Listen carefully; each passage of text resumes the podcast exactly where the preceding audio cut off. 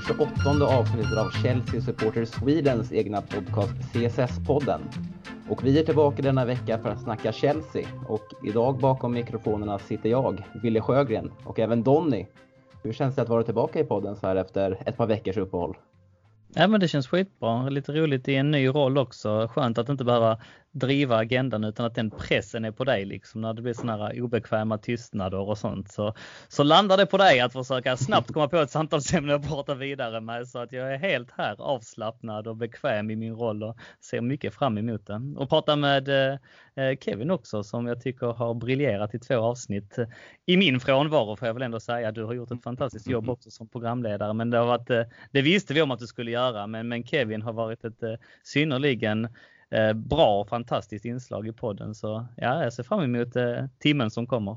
Ja, du verkar ju inte helt ha tappat ändå insikt, dina insikter där som programledare som att du själv ändå avslöjar att Kevin också sitter här med oss. Jag, jag trodde han var mer eller mindre ett spikat eh, inslag nu, eller? Jo, men det, man måste ändå bygga upp något, någonting med att han är här också. Så att, eh, ja, men nu... då, fan får jag kritisera det? Borde du nämnt honom först och mig sist, eller hur? Ja, ja, vet jag det borde till... väl vara trumfanfaren i så fall. Jag vet vi det till nästa gång vi kör den här konstellationen. Men hur som helst så är ändå Kevin här med oss och ställer fråga samma, eller inte samma fråga som till Donny då, utan bara tänkte fråga lite hur läget med dig lite allmänt? Jo, bra och det är väldigt fina ord från Donny. Och nu när ni har tjafsat klart så kan väl jag också intyga att jag är här även idag. Och det känns otroligt kul att ha Donny vid min sida. Och, och dig Ville eh, för tredje avsnittet i rad tror jag att det nu är. Så att det ska bli otroligt kul att surra på idag. Mm, ja, det är härligt. Och eh, vad som är och vad mer som är kul är att vi innan vi presenterar dagens agenda då så kan vi också bara inledningsvis nämna att vi precis innan inspelning här tog del av uppgifterna som flöjade runt på Twitter att eh, Halsson Odoi egentligen har skrivit på ett nytt kontrakt med klubben. Och det var ju Twitterkontot eh, Carefree Jauf som var först ut med detta och det är ju ett konto som eh, i alla fall vi anser vara väldigt eh, trovärdiga och jag tänkte bara lite snabbt kolla vad dessa uppgifter gör mer. Eh, nej men det är ju såklart glädjande att han äntligen eh, kritar på kontraktet. Vi, vi alla Chelsea-fans har ju väntat på på att det ska ske. Det har ju varit en liten tidsfråga och det har ju gått så långt så att man har börjat fundera i olika banor, liksom varför han inte skriver på, vad det kan bero på, är det speltid och så vidare och så vidare. Men eh, det känns skönt att det äntligen är klart nu. Mm, alltså det, det har kommit många gånger att, eh, att han har ju skrivit på. Liksom. Det, blir, det känns som att det är tredje, fjärde eller kanske femte gången man tar del av de här uppgifterna. Men nu känns det ändå vara på riktigt kanske, eller Tony? Ja, jag vet inte. Jag vågar nog inte ropa ut det riktigt än. Det är förutom, eh, det måste vi säga att det här eh, Chelsea Youth-kontot som du introducerade mig för för ungefär ett år sedan har ju varit haft väldigt eh, många gånger rätt men har också chansat lite grann. Men det är mm. också uppbackat av Frank Khalid som också påstår sig ha väldigt stora ingångar i klubben och han lägger ju ofta ut filmer från när han är på träningar och pratar med eh, spelare och han la ut en, eh, ett klipp när han bjöd in Kante till sin dotters bröllop var det var bara för någon vecka mm. sedan. Så att, eh, som Aftonbladet också hakade på och gjorde en film av. Så att, han är ju en jättestor Chelsea-supporter med ett väldigt stort eh, följarantal på Twitter och eh, han brukar också ofta ha rätt. Så att det, är inte, det är inte så att det är lösa Twitter-rykten men med det sagt så är det just nu i alla fall kanske när vi lyssnar på det här i, morgon bitti, alltså på vad blir det, torsdag morgon så, så kanske det är andra lite mer etablerade källor som har hakat på. Men just nu är det bara på Twitter vi läser om detta och då finns det alla anledning att fortfarande sitta i båten. För som du sa Ville så har det ropats både en, två, och tre gånger tidigare så vi vågar inte riktigt ta ut någonting ännu. Jag känner generellt också att eh, tajmingen med det här känns väldigt bra också med tanke på att eh, lagen precis kom tillbaka från sina uppdrag med landslagen. Så att det känns ju som att han, kom, att han har kommit tillbaka här nu och har, i och för sig han har inte varit iväg från landslagsuppdrag men att det börjar ta fart nu igen efter det här uppehållet som vi ändå har haft. Så, och det har varit tyst ett tag nu så att mm. eh, det är ju på tiden att det åtminstone händer någonting för att eh, annars hamnar man i den, i den här obehagliga situationen som ja, man inte vill hamna i och att han kanske gör en Sol Campbell liksom. Och, eh, mm. ja, så låt oss hoppas att det är sant i alla fall. Ja, Absolut, det håller jag med om. Och eh, har du någonting mer att tillägga där Kevin? För jag känner att vi ändå har ändå diskuterat Hudson och Doyle och lite samma visa hela tiden i avsnitten. Ja, nej, men det är precis som du säger. Vi har ju pratat om det många gånger och det känns skönt att kanske äntligen sätta punkt för det. Men det är också glädjande att det sker i och med Hudson Doys tilltänkta eh, comeback på, på matchplanen i alla fall. Det sägs att han ska börja köra lite nu med development squad som jag har fattat mm. det som. Så att det, är, det är väldigt, väldigt eh, fina, fina uppgifter om det skulle stämma. Ja, men jag håller med och eh, tänkte att vi lämnar det där och eh, går in på dagens agenda och eh, trots att det har varit landslagsuppehåll så har vi, har vi ändå en hel del ämnen att avhandla i dagens avsnitt och vi kommer börja just där. Hur har det gått för Chelsea-spelarna som har representerat sina nationer under ligauppehållet? Vilka har spelat och hur har det presterat? Chelseas nya friska fläkt längs, längs vänsterkanten Emerson är någon som vi har berömt mycket under säsongsinledningen. Men vad är det han har gjort som är så bra? Vi kommer att djupdyka i hans, i hans prestationer under inledningen av säsongen. Vi ger er även senaste nytt i Chelseas transferförbud där det kom lite intressanta nyheter i början av veckan. Kommer vi att få värva redan i januari igen och vilka kan vi då få in? Kevin har plockat ut tre realistiska spelare som kan tänkas förstärka laget redan om ett par månader. Och på lördag reser laget norrut då en tuff bortamatch mot Wolverhampton väntar. Vi tänker att vi ger er alla förutsättningar inför den matchen innan vi tar tag i de frågor som ni har ställt oss i vår Facebookgrupp. Nu kör vi!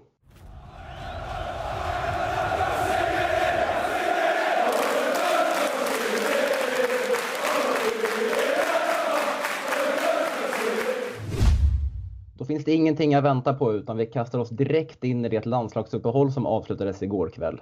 Men innan vi grottar ner oss i Chelsea-spelarna vill jag bara kolla med er vad ni, vad ni har för känsla gentemot ett landslags, landslagsuppehåll. Tycker ni att det är ro, roligt eller tråkigt eller hur känner ni? Uh, jag, jag är av den karaktären att jag, jag följer Sveriges landslagsmatcher. Sen är inte jag så pass insatt utan jag brukar kolla lite highlights och sånt. Uh, sen brukar det vara ett eh, uh, mäckeri att få tag i de highlightsen också. Men uh, Eh, man har ju koll på sina Chelsea-spelare och svenska landslaget. Sen är jag rätt, rätt kall med att kolla landslags, eh, landslagsmatcherna faktiskt. Hur är du Donny?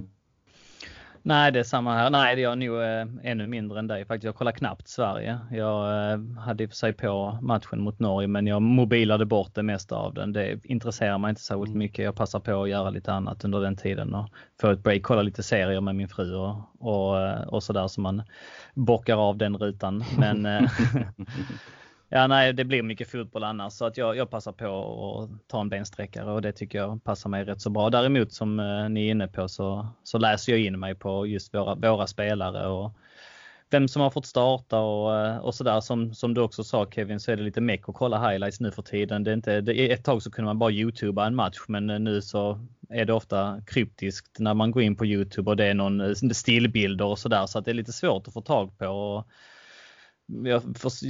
den här påstådda monsterräddningen Kepa skulle ha gjort för tog mig en timme att hitta på liksom länkas in på något Twitterkonto efter många om och men. Så att nej, det, jag är inte sådär superintresserad av, av landslagsuppehåll. Det är inte riktigt min, min kopp av te om man säger så. Men ser förbannat fram emot att Premier League kickar igång igen till helgen.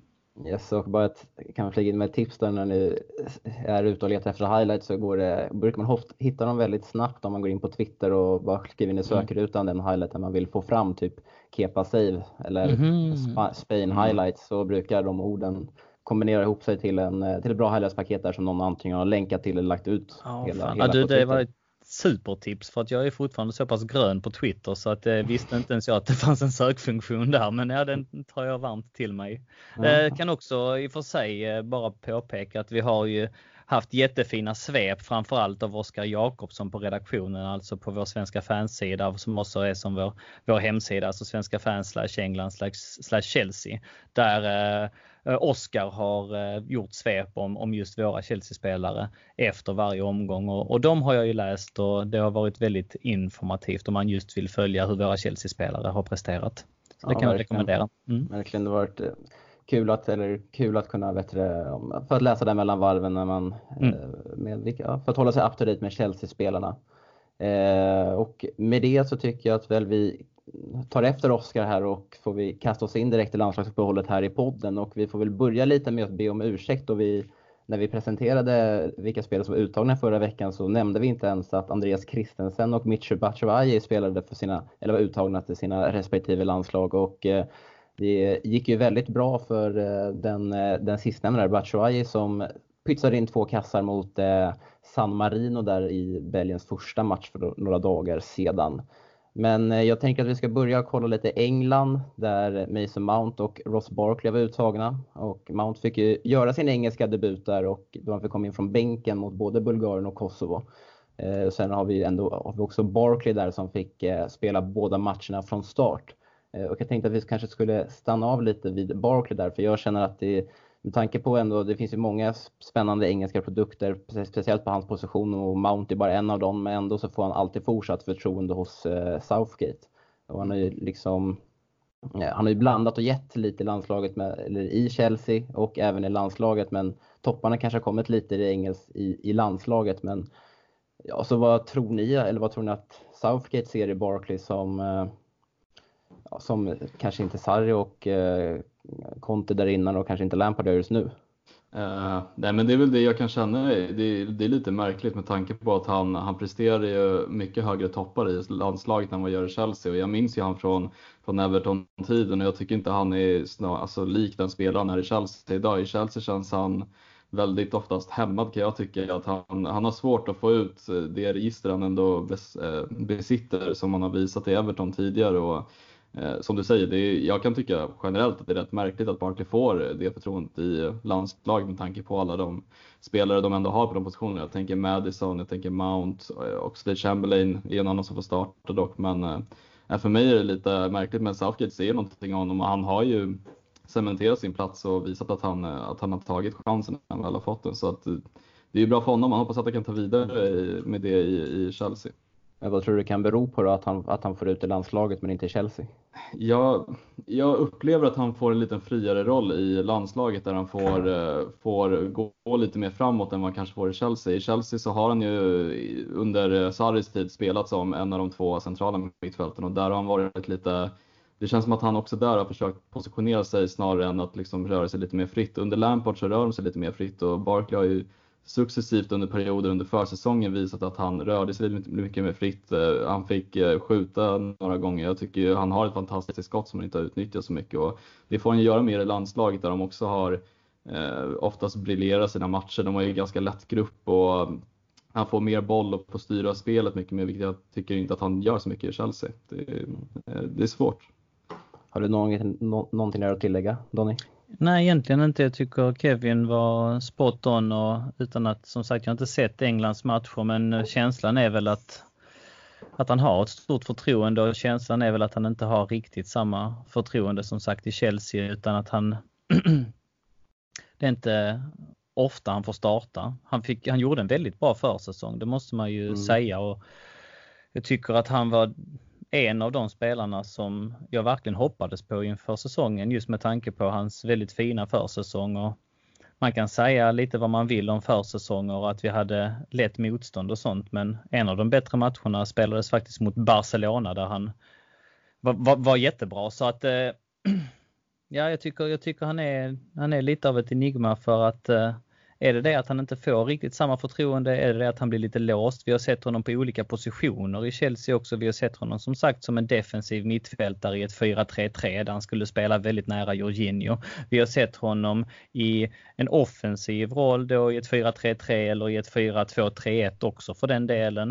Eh, där han spelar liksom eh, offensiv inom mitt fält. Vi har sett honom som offensiv yttermittfält och han har inte riktigt kommit till rätta någonstans tycker jag. Sådär att han tar den platsen man vill att han ska ta, att han när han väl tar skott så blockeras de ofta. Han slarvar i passningar, han börjar hänga med huvudet och när säsongsinledningen har han varit en av dem som har varit minst bra och, och mm. en besvikelse de här första fyra, fem, fem matcherna. Så um, jag vet inte om det är det att man måste liksom titta honom i ögonen och säga att jag bygger spelet kring dig. Jag ger dig tröja nummer 10. Du är en väldigt viktig spelare för mig och att han då växer med den typen av motivation. Det kan vara en sån grej. Mm. Men eh, faktum är att eh, han, han tycks ha olika sorters förtroende i de olika lagen. Det, det är bara att konstatera.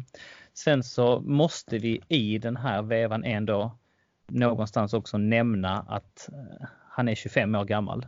Han mm. är inte äldre än så. Han har varit med väldigt länge, men han mm. är bara 25 år gammal.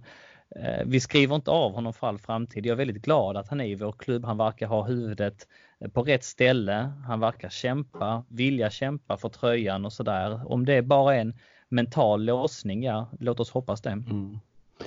Ja, absolut. Och en 25-åring på den positionen, det är liksom, man vet ju att det är runt 27-28 som kanske de mer eh, centrala mittfältarna brukar blomstra i sina karriärer. Eh, Eventuellt, men, om... men säg det till mm. Frank Lampard. Han var, alltså, han var dominant redan vid den åldern och tog skott långt utifrån och det är väl det man vill se från Barkley också, att, ska, att han ska våga ta för sig så i, i klubblaget med. Han har alla fysiska attribut, han har ett bra skott. Jag, menar, jag, jag, jag tycker det är märkligt att det inte riktigt eh, att det inte riktigt släpper för honom. Men som sagt, det är tidigt in på säsongen och han har all chans i världen att ändra på detta. Mm, om vi ska försöka hålla oss lite aktuella då och se hans prestationer här mot Bulgarien och Kosovo så har vi ju alla tre ändå klargjort att vi inte har eh, sett någon av de matcherna men eh, jag kollade lite på efterspelen där efter Kosovo-matchen då fick Barkley väldigt mycket kritik för sin insats och det var till och med någon som skrev att, att han måste sitta på nakenbilder på Southgate för att kunna motivera att han ska starta eftersom att då antar jag då att han inte har, att, att han inte gjorde en bra prestation mot Bulgarien heller. Så mm. Eh, kanske inte den bästa uppehållet för Barkley, men eh, Barkley och Mount, där ska tilläggas, får även gläd, får ändå glädjas åt att de ändå kommer ur det här landslagsuppehållet med 6 poäng. Om vi kollar vidare lite mot Spanien så fick eh, Kepa starta sin fjärde match i rad mot Rumänien, men fick sitta sedan bänk mot Färöarna. Och tänkte att, eh, där, att, ändå att han fick starta sin fjärde, fjärde match där mot Rumänien när, vi, när han ändå har en David de Gea i som, eh, som man konkurrerar med som ändå beskrivs som en av världens bästa målvakter. Och ni har ju varit väldigt kritiska till Kepa här under både under förra säsongen och under inledningen här. Mm. Ja, nej, men det är också intressant att han får förtroendet och samtidigt, de Gea har inte heller gjort sina bästa säsonger eh, föregående säsonger så jag blir eh, jag ska inte säga att jag blir eh, superförvånad, men det är kul för Kepa och jag menar, han spelar mot Rumänien, de Gea spelar mot Färöarna. Det visar just nu kanske vem som har försprånget. Och, mm. eh, jag såg något uttalande från Roberto Moreno som har tagit över efter eh, Luis Enrique som, som sa att det, det finns ingen given etta just nu i, i målvaktspositionen. Och, det, det inbringar en väldigt bra chans för Kepa att ta den spaden. Han har ju som du säger startat fyra matcher nu och som sagt stod senast mot Rumänien, eh, vilket jag ser i alla fall som, eh, som, då ser jag honom som en given etta om eh, det sker då startar mot Färöarna. Så att, eh, det är, jag hoppas på att Kepa stabiliserar sitt spel lite, lite mer. Jag kan tycka att han är en rätt ojämn målvakt och här får man inte heller glömma att han är väldigt ung och han lever ju med den höga prislappen kan jag tänka mig också. Och, eh,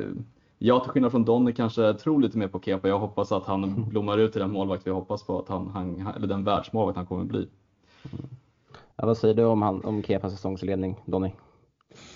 Nej, jag tycker att det är märkligt att han fick, eh, fick stå baserat på hans säsongsinledning. Jag tar ingen stolthet i att eh, opinionen tycks ha vänt mot Kepa. För, för att det, det, är den bedömningen jag gör att det är fler och fler som i Chelsea supporterled som kritiserar honom öppet och som menar att han, eh, han har inte tagit en boll i de här inledande matcherna. Att han släpper in bollar i, mellan benen och han styr in eh, skott, eh, puckis. Norwich mm. går ju förmodligen utanför inte han styr in den. Och att han eh, släpper returer långt ut i banan, att han inte tar några inlägg och att han inte är dominant på hörnor och så vidare. Det, man ser ju en helt annan diskussion kring honom som målvakt den här säsongen bland oss supportrar på forum och i poddar och i artiklar och så vidare. Och som sagt, jag tar ingen stolthet i det överhuvudtaget att jag, att jag var inne på det spåret redan förra säsongen för jag vill också Kepa väl och jag vill att han ska vara en bra målvakt för oss i, i många år framöver men jag ser inte det riktigt och jag tyckte att han hade en,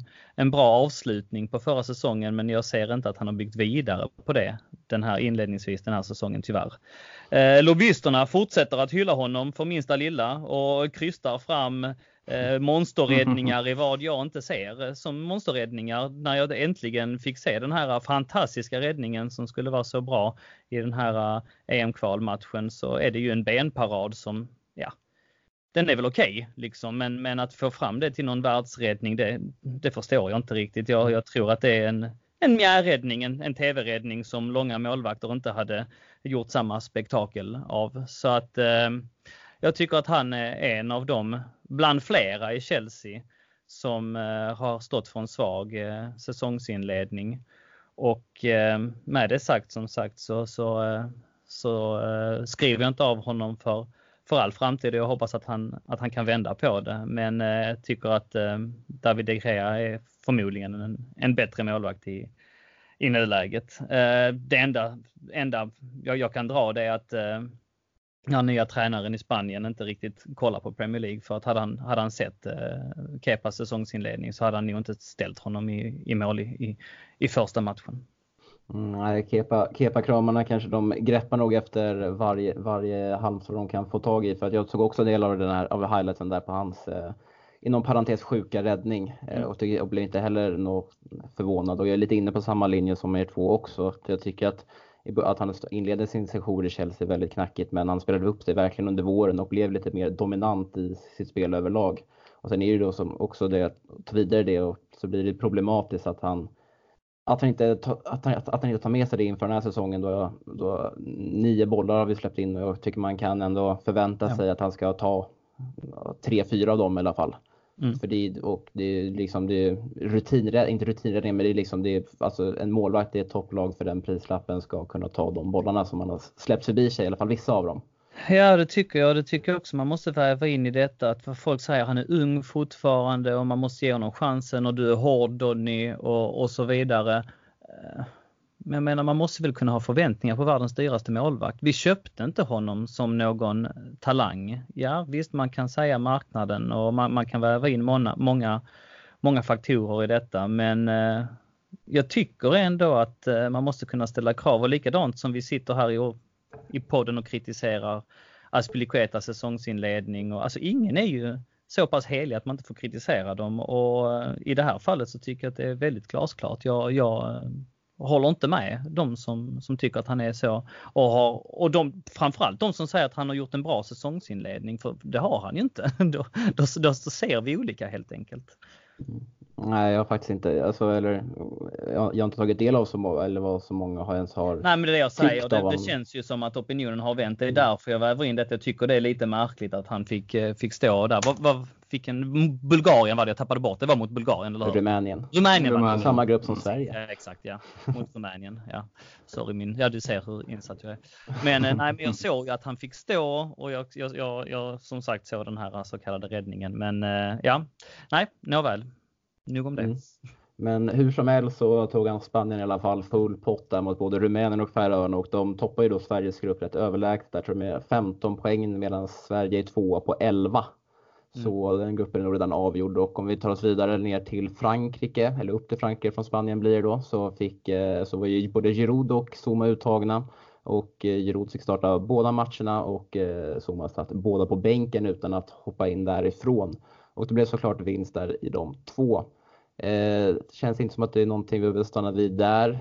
Nej, noterbart var väl att eh, Girouds ersättare i den andra matchen kom in och gjorde mål. Mm.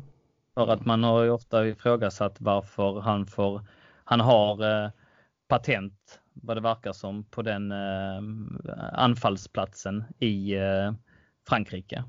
Mm. Och eh, mot Andorra så bytte de in Ben Yedder då istället för honom i slutet av matchen och Ben Yedder gjorde mål. Så att eh, frågan är ifall han inte får spela så mycket mer för Chelsea, hur länge han kan hålla den där mm. eh, platsen längst fram i Frankrike. För att han själv gjorde inte mål mot Andorra. Nej, vi får se, för jag tog också det, tog del av några någon intervju han gjort under landslagsuppehållet att han, inte, att han sa sig inte vara intresserad av att eh, antingen vara andra eller tredje val i Chelsea. Och, eh, vi har ju ändå en anfallssituation med både Batshuayi, Giroud och Abraham och det känns väl ändå som att, jag vet att du skrev till mig privat Kevin för några dagar sedan mm. att du är helt övertygad att någon av de två kommer lämna, Giroud ja. och Batshuayi då.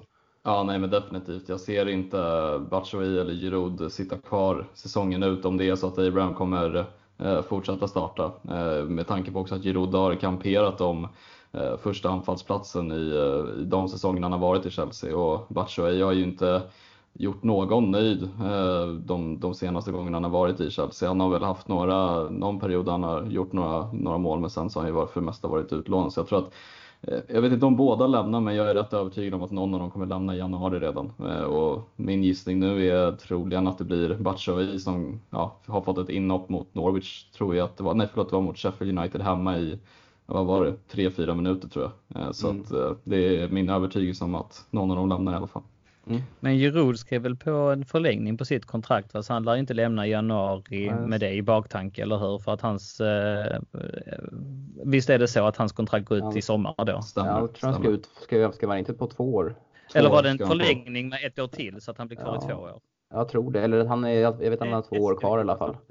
Du kan googla fram det, men eh, nu tappade jag linjen där vad jag tänkte flika in med, men eh, Ja, men vi, vi lämnar det så länge i alla fall och eh, rör oss vidare mot eh, USA där vet du, Christian Pulisic spelade hela matchen i 3-0 förlusten mot Mexiko och det var ingen av er som var uppe mitt i natten där och kikade på den matchen. Nej, jag läste, läste lite om att han hade blivit utsedd till USAs bästa spelare i 3-0 förlusten, om det är något att uh, fira över. Sen så läste jag någonting om att han kommer flyga hem tidigare och inte spela träningsmatchen mot Uruguay eh, för att förbereda sig inför matchen i helgen för att det är så långa flyg, flygavstånd. Eh, för vad jag förstod det som så skulle han flyga 10 timmar till Cincinnati tror jag det var eh, och sen från Cincinnati tillbaka till London igen. Och jag tror att, jag vet inte om det var Lampard, men någon har haft kontakt med honom att han ska inte spela mot Uruguay för att vara så bra förberedd som möjligt nu i helgen mot mm. Wolves. Mm, det kan vi väl credda Oskar Jakobsson till återigen där som skrev det faktiskt mm. i ett svep att det var att han hade flugit hem lite tidigare där Pulisic. Mm. Mm. Bra, ta, bra notis där och. Ja, men det är eh, jätteimponerande tycker jag faktiskt i de här sammanhangen. Jag tycker man måste lyfta fram det som tecken på engagemang och han eh, Eh, var ju även en av dem som eh, hade rätt till tre veckors semester efter sin sista landslagsmatch för USA i somras men valde också att kutta sin, sin semester för att komma snabbt tillbaks med laget. Någonting William inte gjorde exempelvis. Sätter ingen värdering i det på något sätt men tycker ändå det är lite värt att, eh, att nämna. Förra sommaren hade vi samma incident med Ruben Loftus-Cheek när han menade på att han inte spelade sådär jättemycket för England när det var mästerskap utan valde att ta en veckas ledighet och sen så slöt han upp med Sarri och gänget för att imponera på sin nya tränare medan Cahill valde att vara borta sina tre veckor som han hade rätt till och kom aldrig riktigt in i laget. Så att jag tycker det är lite häftigt när de, mm. när de gör så. Det är en meningslös eh, träningsmatch och han hade aldrig någonsin eh, kunnat eh, komma tillbaks och varit fit for fight mot Wolverhampton och nu gav han sig ändå den chansen. Och bara för att flika in så lyckades jag hitta här att Oliver Giroud mycket riktigt har, alltså skrev på i maj ett ett års förlängning som håller honom mm. i Chelsea till, alltså till och med i slutet av denna säsong 1920 alltså. Ja, så att eh, förmodligen försvinner inte han i januari men att eh, att eh, Batshuayi kanske gör det, det, det är väl möjligt. Mm. mm. Ja men härligt. Men eh, det är såklart att eh, med Christian Pulisic där att, och hans, att han avbryter semestrar i tid, det är ju någonting som man supporter uppskattar väldigt mycket. Att han ändå att han, att han vill klubbens bästa och ger allt för, ger allt för att komma igång som möjligt och försöka leda laget och sig själv till, till större framgångar. Mm. Eh, men eh, någon som inte får spela i sitt klubblag är eh, Isan Ampadu, men i landslaget så får han allt mer speltid och fick spela 75 minuter nu på, mitt, på mittfältet när Wales besegrade Azerbajdzjan med 2-1 och det var ju den enda matchen då som Wales spelade med, eftersom att det är bara endast fem lag i deras grupp så det har alltid varit ett, en nation där som har fått stå över mm. under, en, under en samling. Och mm. eh, ingenting ni vill lägga till där om Ampadu där? Eh, jag läste någonting eh, om ett uttalande från Giggs om att han var väldigt imponerad över Ampero, att han har fått så pass lite speltid i Leipzig men ändå kunnat ta vara på den landslagsplats han blivit tilldelad, att han fick starta och fick spela 75 minuter. Fick väldigt mycket beröm för sina 75 minuter. Jag tror att han spelade som, som sexa i den matchen som defensiv mittfältare och Gigs Giggs bytte ut honom. Han var, han var väldigt nöjd med honom. Mm ja, det, det gick vi igenom förra veckan, hur eh, mycket potential och eller mycket vi ser i Ampadu och hoppas verkligen att det ska lossna även i klubblaget så att han kan nå upp till den. Eh, ska vi, om vi avhandlar det sista landslaget där vi hade spelare som var eh, och tjänstgjorde så var det ju Jorginho och Emerson där Jorginho spelade båda matcherna från start och eh, avgjorde även mot eh, Finland där på straff som ändå var ett, eh, ändå, ändå ett viktigt mål om man tänker om man snackar Italien och Finland att det var ändå viktiga poäng för att Finland är ju där bakom och hugger och nosar Italien i, i ryggen. Så det var kul för honom att han fick göra det. Ja, häftig straff också. Ni ser, han har ju den här taktiken där han springer mm. fram och skuttar och så liksom eh, nästan Matrix rör sig bara i slow motion fram med det här sista hoppsanskuttet. Men eh, i vissa fall så går ju inte målvakten. Jag menar 9 av 10 fall så gör de en liten rörelse. Och det var ju eh, anmärkningsvärt att Adrian gjorde den här lilla rörelsen två gånger på väldigt kort tid i Supercupfinalen. För att där satt han ju två stycken straffar med mm. samma variant. Han väntar, väntar, väntar, får den lilla rörelsen och lägger den i andra hörnet. Medans mm. Ederson då eh, i ligacupfinalen stod kvar, stod kvar, stod kvar och sen så gick åt rätt håll för att han får, när man väntar ut en målvakt så, så får man inte riktigt samma kraft bakom bollen som man får om man springer fram i all fart och, och dänger dit den allt vad man kan. Så att man måste verkligen förlita sig på en enorm placering och får man inte till den där enorma placeringen, då kan målvakten ta den. Men i det här fallet så gick ju målvakten den finska målvakten åt rätt håll och trots det här hoppsanskuttet. Men placeringen var väldigt långt ut så att eh, han tog ändå inte den, vilket mm. eh, var lite häftigt att se. Absolut. Jag, personligen så är jag alltid otroligt nervös när Jorginho stegar fram och tar en straff. Jag blir rädd det skuttet, det får mig att alltså, jag, jag kollar inte ens. jag blundar. ja, det är obehagligt. Det är otroligt läskigt alltså. För det, man vet, det, det ser Men det är ändå någonting när en ny tränare Ja men så är det ju och det blev det ju mot Emerson. Men jag menar mm. nu är det ändå eh, under en ny tränare Lampard. Då är det ändå han som kliver fram mm. och skjuter. Vi vet ju om att det fanns, finns andra bra straffskyttar i laget också som eh, ja, Ross Barkley exempelvis. Men det, det, är ändå han som går fram och skjuter straffen mot, mot, eh, i Liverpool när vi får den i speltid. Och det är ändå han som skjuter första straffen i, i, i straffsparksläggningen. Så att det tyder ju ändå på att han mm. förmodligen har ganska många i rad på träning för att få det där förtroendet. Och, ja, allt som oftast har det gått bra. För Chelsea har han ju bara missat en och han har väl satt, lagt, lagt en sex stycken skulle jag väl tro. Något sånt. Mm. Mm. Ja, det är imponerande ja. och måste sitta, besitta ett väldigt stort självförtroende, självförtroende för att eh, göra så där vecka ut och vecka in. Eller när, när väl chansen ges från straffpunkten. Eh, men om vi lämnar Jorginho där så har ju hans eh, kollega både i klubb och landslag Emerson även spelat för Italien. Och eh, han utmärkte sig verkligen rejält mot Armenien där han gjorde en assist till eh, Italiens kvittering där till 1-1 och fick faktiskt högsta betyg av, av alla italienska spelare i Gazzetta dello Sport efter matchen. Eh, men tyvärr sedan i matchen efter så klev han ju av skadad där mot eh, Finland redan efter åtta minuters spel. Mm. Och mm. Eh, tänkte, har ni tagit del av några rapporter om hur länge han väntas bli borta? Ja, alltså jag, det var ju något ut, uttalande. Det var något eh, han gick ut med på Instagram, att det, på hans då personliga Instagram, att det skulle vara en lättare skada det handlade om. Sen har inte jag läst mer rapporter om hur allvarlig skadan är, men att eh, vad jag fattar det som så är det osäkert eh, till helgen, men jag kan ha helt fel. Men vad jag fattar det som när jag kollade min eller översättningen då från italienska till, till svenska så skulle det handla om en lättare skada som han tonade ner själv. Men jag vet inte om ni har tagit del av några andra rapporter om det jag, jag är inne på samma uppgifter. Jag läste också här nu för några timmar sedan att det är, att det är, det är tveksamt till på lördag men, men efter det så ska det inte vara någon större fara. Nej. Så eh, det är väl en lite lättare känning men man satt ju verkligen eh, satt ju i halsen där när man fick se att man, man visste att Kovacic gick sönder bara för några mm. dagar sedan och sen tänkte man nu både Emerson och det är ändå två spelare som ändå varit väldigt bra för oss under försäsong, eller under inledningen av säsongen. Mm. Mm. Man ser här på Physio Room till exempel så ser man skador då. Arsenal 6, Aston Villa 4, eh, Burnley 4 bara för att eh, liksom ta några. Liverpool 3, Manchester City 6, Chelsea 9. Mm. Alltså vi, vi har en gedigen skadelista. Kovacic nu också tillagd. Emerson tillagd. Jag bara lägga till där, Mancini sa väl också att det inte var någonting seriöst utan att han att han tog ut honom för att det inte skulle, skulle bli värre helt enkelt. Ja, och det är ju en schysst inställning i så fall. Mm. Ja, det gillar vi att Mancini även tänker på Chelsea och fram, hans framtid där. Eh, men jag tänkte att vi skulle stanna lite vid Emerson för det är en spelare som jag tycker att vi har berömt väldigt mycket under, under den här säsongen i, i podden. Men vi har liksom inte pratat om, utan vi har bara, nästan alltid bara lämnat det där att han har gjort det bra. Men eh, vad, är det, vad är det han gjort så bra då? Vad tycker du Kevin?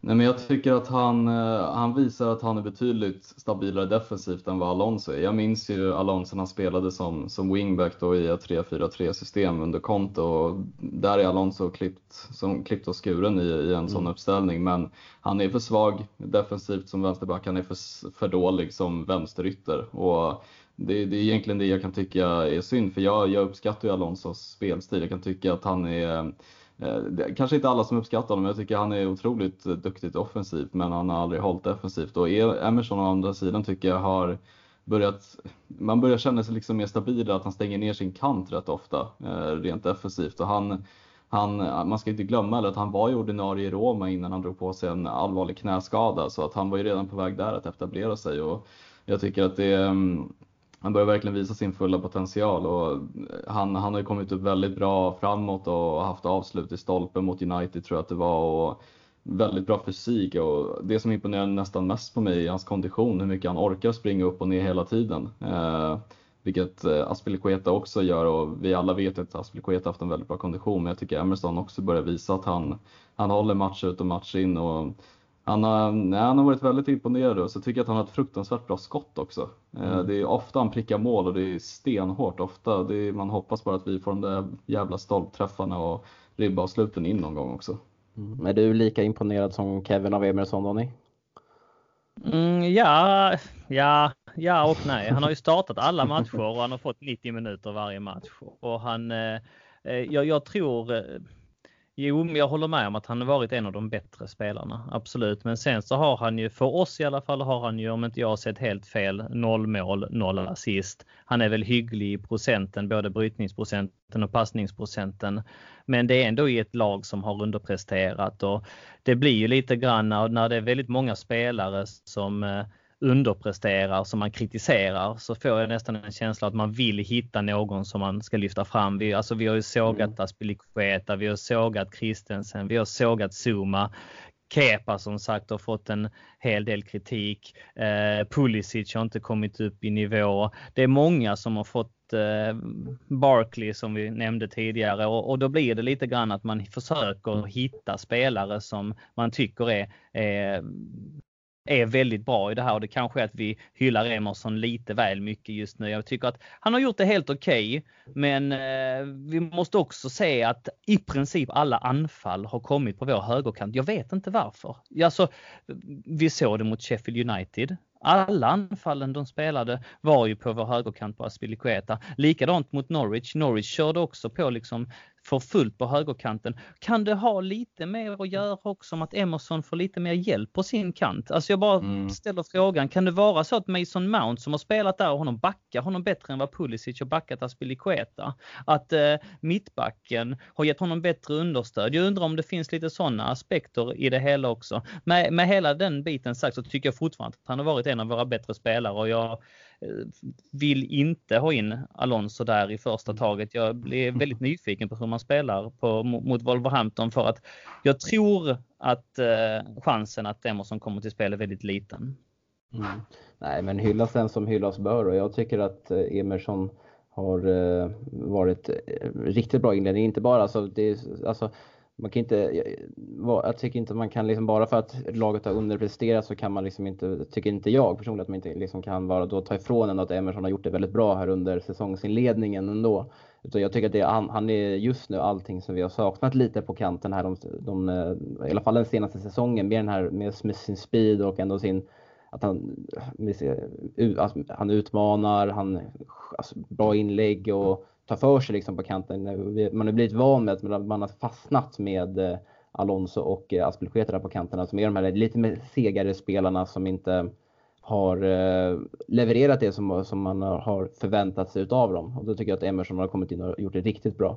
Mm. Absolut. Men jag menar, så, som Lampard säger, man anfaller som ett lag, man försvarar som ett lag. Vi pratar ändå om ett Chelsea som ligger 11 i tabellen. Vi pratar ändå om ett Chelsea som har släppt in 9 mål på fyra matcher. Det är vissa spelare som får bära hundhuvudet. Likadant som jag vägrar eh, lägga ut liksom all skuld på exempelvis Aspilicueta som jag tycker att vissa supportrar väljer att göra så väljer jag inte heller att bara tokhylla Emerson för han är en del i den här backlinjen. Likadant som jag tycker att Kepa är en del i backlinjen. Likadant som jag tycker att mittfältet kanske borde backa upp tidigare eller tydligare.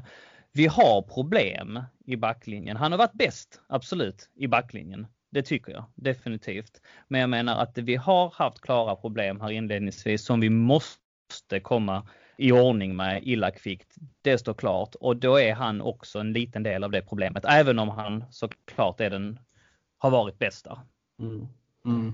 Jo, och ja, som du säger, alltså, Lampard har ju varit väldigt tydlig med att vi försvarar som ett lag eh, och så vidare. Så att såklart är Emerson en del av det. Eh, och, men kollar man också på, vet du, de vill inte sitta och argumentera, men bara för att lyfta fram ändå Emerson där så kan man ju se att han sticker ut väldigt mycket individuellt också. Eh, kollade på statistiken och han har ju snittar ju 3,8 tacklingar och 2,5 brytningar per match, vilket är flest i laget. Han har inte hunnit blivit för, förbidribblad ännu och han har vunnit 79% av de dueller han har gett sig in i. Vilket också mm. även det är du, flest i laget. Och sen har han faktiskt även, vi snackade, vi nämnde lite där kort i början när, vi gick in här på Emerson, att han inte hade bidragit med några mål och, mål och assist men han har faktiskt skapat sex, ändå sex chanser här som ändå har, ändå som får beskrivas som bra målchanser. Och det är, mm. det är han näst bäst laget med efter Pedro. Mm. Så eh, jag tycker en, Han är bara 25 år också. Det ja. är en, också en, en, en viktig aspekt och det ryktas om ett nytt kontrakt till honom mm. nu. Är det någon som har gjort sig förtjänt av det så är det han i den här ja. säsongsinledningen. Så att jag missförstår mig rätt. Eh, innan tänkte vi rundar av där angående Emerson så har jag ändå, har jag ändå två frågor jag tänkte på nu när, när jag hörde er prata om dem. Och jag tänkte Kevin där när du sa i början att eh, han har nått ut till sin fulla potential. Du tror inte att han kanske har överpresterat eller du tror att det här är den Emerson vi kommer få se i fortsättningen? Alltså när jag eh, fick se glimtar av honom när han spelade i Roma tidigare så, så tycker jag att han påminner lite om den Emerson han är idag. Sen hur mycket potential han har kvar är svårt att säga men man får ju tänka också på att han, han, han har ju verkligen krigat sig till den här platsen. Och, eh, det är svårt att säga om egentligen hur mycket potential det finns. Det är, det är ju, jag kan ändå på ett visst sätt känna att en vänsterback till skulle vara optimal för Eh, precis som Donny säger så, så är det ju en, en backlinje han sticker ut från som inte har varit speciellt bra i början av säsongen. Eh, med det sagt så tror jag fortfarande att han har en del utvecklingspotential kvar och han har ju en, en tränare som tror på honom och visar förtroende och har fått starta alla matcher så att eh, jag ser egentligen inte varför han inte skulle kunna utvecklas ännu mer. Mm. Absolut, eh, och känner jag generellt också, för i alla fall det som jag Eh, har känt var, har verkligen varit den svaga länken i Chelsea den senaste säsongen har ju varit vänsterbackspositionen. Och det var, det var i alla fall den position som jag ville förstärka inför säsongen då om vi hade kunnat värva. Men hur känner ni? Är ni, är ni trygga med att ha Emerson där eller vill ni ha förstärkning? Alltså, ja, förlåt, kör Donny. Ja, nej, alltså, nej, jag tycker att eh, absolut att han har eh, eh, det blir lite så när man pratar om förstärkningar just nu för man tycker ju samt, alltså det blir lite dubbeläggat för att samtidigt som man vill att man är nyfiken på att se hur en sån som äh, Tammy Abraham tacklar liksom och får ett förtroende här i tio matcher framöver och man vill utvärdera honom efter en hel säsong så är man ändå lite sugen på en ordentlig anfallare och äh, samtidigt som man vill se Mason Mount och man vill se Christian Pulisic så är man ändå sugen på att få in Callum Hudson-Odoi. Alltså, och helst kanske man vill ha någon till. Alltså, man, man, man snubblar över sig själv i sin argumentation och lite likadant känner jag väl i vänsterbacksplatsen att jag, jag tycker att han har gjort det bra. Jag vill se honom under en hel säsong. Men ska man få in någon så vill man ju inte heller att det ska vara på hans bekostnad i så fall. Nej. Så att, ja, jag tycker det blir jävligt jobbigt. Nu pratar vi här om, jag har sett att vi har fått en fråga på Facebook också. Jag vet om att vi kommer ta upp det lite senare i agendan just om, om vårt transferförbud blir hävt i januari.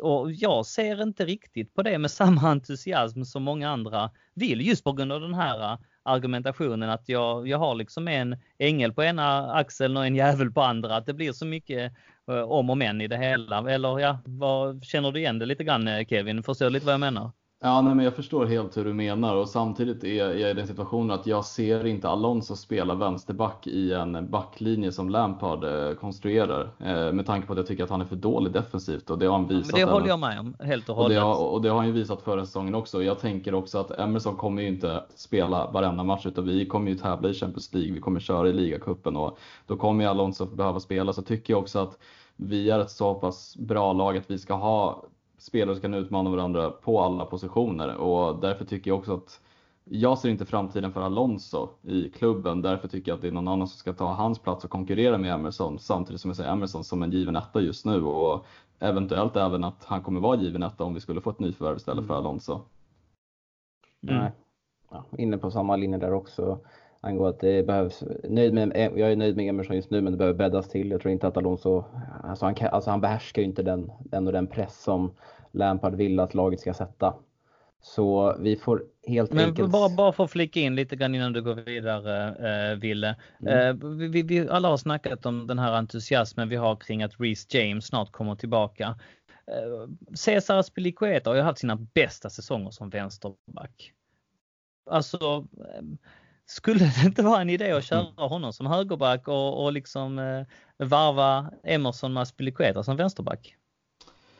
Ja, alltså jag, jag är i den majoriteten att jag inte tycker tycker att det är optimalt att ha en högerfotad spelare som vänsterback. Sen håller jag helt med dig om att... Det tycker inte jag heller på förhand, men man kan inte bortse från att Nej. han har gjort det riktigt bra. Han konkurrerade ut Ashley Cole som vänsterback under mm. säsongen när vi vann ligan. Han har vunnit mm. ytterligare en Premier League när han spelade. I och för sig, nej, då spelade han mittback, men ändå på mm. lite mer åt vänster, vänsterkanten. Men han har ju gjort det riktigt bra. Sen håller jag med dig också om det är inte optimalt, men han är ju mer eller mindre tvåfotad.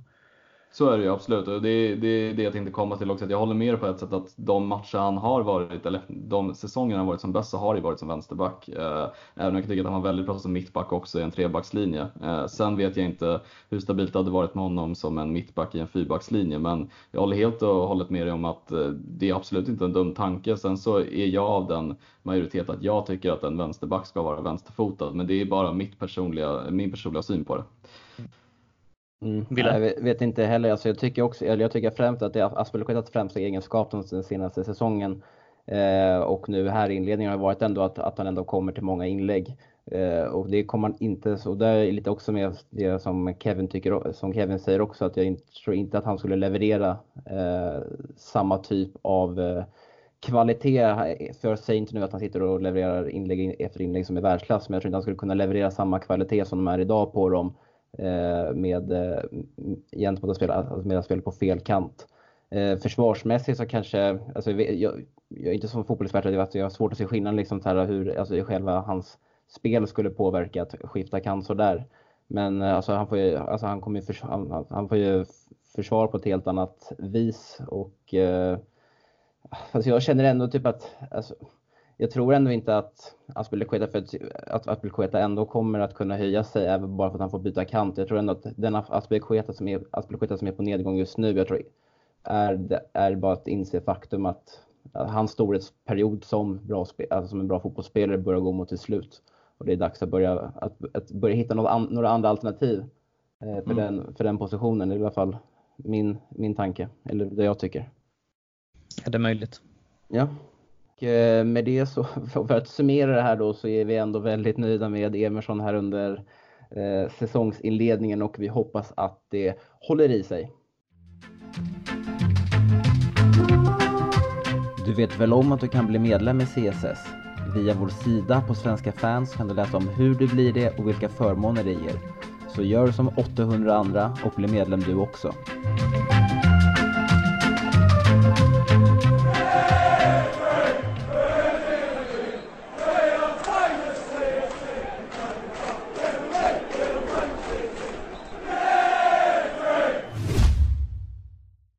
Tidningarna Daily Mail och The Mirror kom med lite glada nyheter och skrev att Chelsea är optimistiska att kunna värva redan nu i januari. Och jag tror att alla redan är med på att domen angående transferförbudet gäller fram till nästa sommar. Men tidningarna skriver där att Chelsea redan planerar, planerar, en, event, planerar eventuella förstärkningar redan i vinter då man förväntas kunna värva igen. Och eh, anledningarna som de skriver angående detta är att eh, Manchester City blev fälld för samma sak och eh, de blev dömda utan någon bestraffning då, vilket Chelsea har nappat upp och ska nu ha överklagat det här vidare. Och eh, jag känner att eh, är det här positivt eller är det här negativt? Om vi börjar med dig Ronny. Um, ja, vi nämnde lite grann i förra delen att uh, det är lite dubbelleggat men det är ju rapporter som du säger framförallt eh, från The Mirror eh, som också blandar och ger lite grann.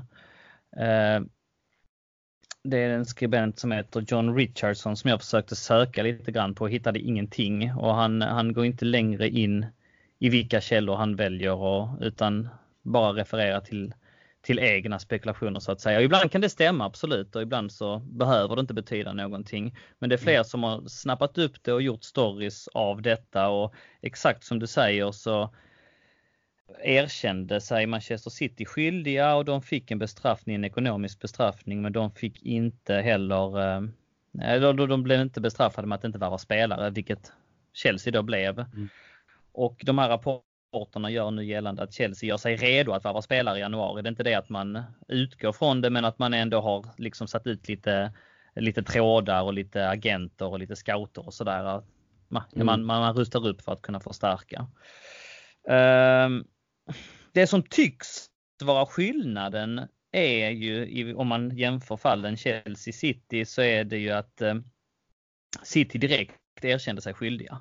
Att de sa att ja, vi har gjort detta och eh, blev således, fick således eh, förmildrande bestraffning.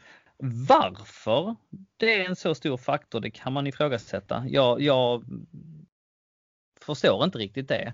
Men det tycks vara så för att det har man läst gång efter gång att Chelsea har bestridit den här eh, anklagelsen, att de har gjort en stor grej av det och också att det finns en risk att bestrida det. Um, och det är lite, det är anmärkningsvärt tycker jag. Jag förstår inte riktigt varför det är så. Om någon insatt jurist kanske i CSS-podden-gruppen kan förklara detta så eh, på ett sätt som, som gör det begripligt för mig. Men att det är så, det står klart. När man då inte erkänner sig skyldig utan väljer att bestrida detta, då får man tydligen hårdare eh, bestraffning. Och eh, det verkar som att Chelsea nu i och med att man inte värvade eh, spelare, i och med att man inte bad om att få bannen fryst, utan att man tog sitt straff det här fönstret då, så kanske det är så att man bedöms som mer medgörliga helt enkelt. Och därför då kan komma att värva spelare i januari. Hur jag ser på det, ja jag vet inte. Det är klart att det är bra att få värva spelare men sen samtidigt som, som jag sa tidigare så ser jag också fram emot att ge alla de här spelarna som vi har hyllat en ordentlig mm. chans. Jag vill också ge spelare som jag tror på. Jag tror ju fortfarande på att Aspilicueta är bättre. Jag vill inte tro att han är på nedgång som du var inne på Ville. Och jag vill tro att han kan resa sig igen. Jag vill också tro att Kurt Zuma är en jävligt bra mittback. Jag tror inte man kan åka ut och hitta en så mycket bättre mittback. Och jag vill tro på Mason Mount att han ska få en ordentlig säsong och utvecklas i detta Chelsea. Kommer det in spelare utifrån, det, jag, jag gillar ju inte heller de här värvning, squad-värvningarna som vi har gjort tidigare. Eh, Danny Drinkwaters och vad de nu har hetat som bara ska gå in och konkurrera och fylla ut platser. Det är helt meningslöst. Om du ska in och värva en spelare nu i januari, då ska du värva någon för startelvan. Och det blir det ju på bekostnad av någon av de här. Jag är intresserad av att se vad Tammy Abraham kan göra om han når upp i 20-25 mål kanske den här säsongen. Och bakom honom finns en Michi Batshuayi som jag inte alls har avskrivit som vi som sagt nu också gjorde två mål här under landslagsuppehållet. Så att samtidigt som man vill varva så är det en ådra i mig som tycker att det är lite synd ändå. Vad säger du Kevin? Ja, nej, men jag är nog faktiskt inne på ditt spår. Jag ser ju det mer som positivt att vi kanske möjligen får värva i januari, men med det sagt inte kanske behöver värva i januari. För jag håller med om att det har varit många panikvärvningar, det har varit många utfyllningsspelare och nu har vi ändå kunnat bredda truppen med många talanger, men jag ser det heller inte som eh, något negativt att vi får värva om det kommer en allvarlig skada på en position där vi inte har bredd. Eh, till exempel Eh, ja, Emerson eller Alonso eller liknande, då är det alltid bra för vi har ingen vänsterback i developmentskada eller någon i truppen som kan eh, fylla ut den positionen Emerson har idag. För jag tycker inte Alonso gör skillnaden som jag varit inne på tidigare. Så att jag ser det inte som någonting negativt att vi får värva. Eh, men återigen med det sagt så betyder det inte att vi behöver värva i panik som vi gjort tidigare. Utan jag tycker vi ska tänka smartare och ett steg längre än vad vi gjort tidigare. Att ska ta vara på den truppen vi har, de ungdomar vi har och verkligen ge dem en riktig chans och mm. en chans att etablera sig i truppen. Eh, det är någonting jag också har tyckt har varit bra med transferförbudet på ett sätt att vi på riktigt nu får faktiskt se våra ungdomar ta chansen. Och det, mm. det har varit i alla fall, oavsett hur säsongen har börjat för mig så var det en fröjd att se Mount och Abraham spela och en Reece James som kommer tillbaka och en Hudson och Doy som kommer tillbaka och den optimismen som de kommer med. Det, för mig är det tillräckligt för att behöva värva någon som Danny Drinkwater eller någon annan eh, halvdassig spelare. Mm. Mm, jag tror också att det, kan, alltså det, det, känns som att det kan sända ut lite fel signaler till eh, men till både Lampard och, eh, och, och, truppen med tanke på att man, man under hela sommaren och slutet av förra säsongen har byggt upp att under nästa säsong så kommer vi vara tvungna att satsa på akademin och vi kommer göra det för vi har inget annat val. Och sen om man helt plötsligt då ändå bryter den, hela, hela den linjen, hela det jobb man har påbörjat under, nu, under, under försäsongen och inledningen av säsongen så tror jag att det kan bli väldigt kaotiskt och eh, att det, det, kan bli väldigt mycket, alltså väldigt mycket felreaktioner på något sätt. Mm. Ja. ja. för att alltså de spelarna som man snackar om nu, så ja det är klart anledningen till att jag nämnde de spelarna här som Mason Mount för att de, de som det ryktas om är ju Zaha till exempel. Och han mm. kommer ju in på bekostnad av någon. Och jag menar, nu sitter vi här och har ändå sagt att vi hoppas på att Barkley kan ta nästa steg, att han bara är 25 år. Som vi sa, vi hoppas på Mason Mount. Vi hoppas väl också på att Ruben Loftus-Cheek och Callum Hudson-Odoi ska gå in och konkurrera om de platserna. Det är många som tror att William med sin erfarenhet kan vara väldigt nyttig för oss. Pedro är inte helt avskriven. Jag menar, jag ser ingen riktig position till honom. Samtidigt som jag klart jag vill ha Zaha. Jag tycker han är en fantastisk spelare. Missförstå mig rätt. Men det blir, väldigt, eh, det blir en väldigt konstig argumentation. Har man nu gått in i den här säsongen och nästan omfamnat att vi inte får varva så är det nästan så att hjärnan gör en, en kullerbytta helt och hållet. Mm. Mm. Ja, ja, men eh, hur som helst så tror jag ändå att folk gillar att lyssna på lite silly season snack och att vi ofta brukar få frågor som eh, berör eventuella värvningar på, alltså under vår Facebookgrupp där. Så jag gav dig uppdraget Kevin att du skulle plocka ut tre spelare som du tror skulle göra Chelsea bättre och som ändå är, är eh, realistiska helt enkelt. Mm. Nej, men vi kan väl eh, börja i rätt ordning så kan vi börja med anfallet. Och mm. Det här ska sägas också är om Abraham inte skulle ta vid eh, vid sin början av säsongen. Då skulle jag se Moussa Dembélé från Lyon som en väldigt bra värvning. Det är en, eh, en ung kille som är 23 bast tror jag att han är. Han kom ju tidigare ifrån en sejour i, först, först och främst jag fostrad i Paris Saint-Germain. Sen gick han efter det till Fulham och efter det till Celtic och Lyon och så vidare och nu är han kvar i Lyon. Och det här är en kille som är um, en måltjuv, väldigt bra i straffområdet, bra rörelsemönster och bra fysik. Uh, han behärskar engelska språket, han har bott i England tidigare, bott i Skottland, vilket jag också tycker är en fördel med tanke på att han är, van vid, han är van vid det fysiska spelet i Skottland och i Premier League. Så att um, för mig hade det varit en, en bra utfyllnadsvärvning om det är så att vi inte får igång målskyttet efter uppehållet, vilket jag dock tror är osannolikt för Abraham har visat sig vara väldigt duktig. Ehm, Går vi vidare till nästa eh, spelare så är Ruben Diaz från Benfica en spelare för, för min del som jag är väldigt, väldigt nyfiken på. Det är en ung 22-årig mittback som är fostrad i Benfica, har spelat där i hela sitt liv och är fortfarande kvar där. Han har tagit, eh, tagit vid efter Victor Nisse Lindelöf. Han tog hans position när Lindelöf gick till Manchester United och det här är en eh, väldigt, väldigt talangfull eh, mittback som jag tror kan bli en världsback i framtiden. Han har redan varit och nosat på portugisiska landslaget och spelat massa landskamper där. Och det som är positivt med honom är att han har ett marknadsvärde på ungefär 32 miljoner euro så att han skulle inte kosta lika mycket som kanske en van Dijk gjorde till Liverpool eller en eh, Maguire till United utan jag tror att man skulle kunna få honom för ett bättre pris. Och en väldigt bra mm, karaktär, bra spelsinne, eh, behöver kanske få lite bättre fysik men eh, väldigt komplett mittback.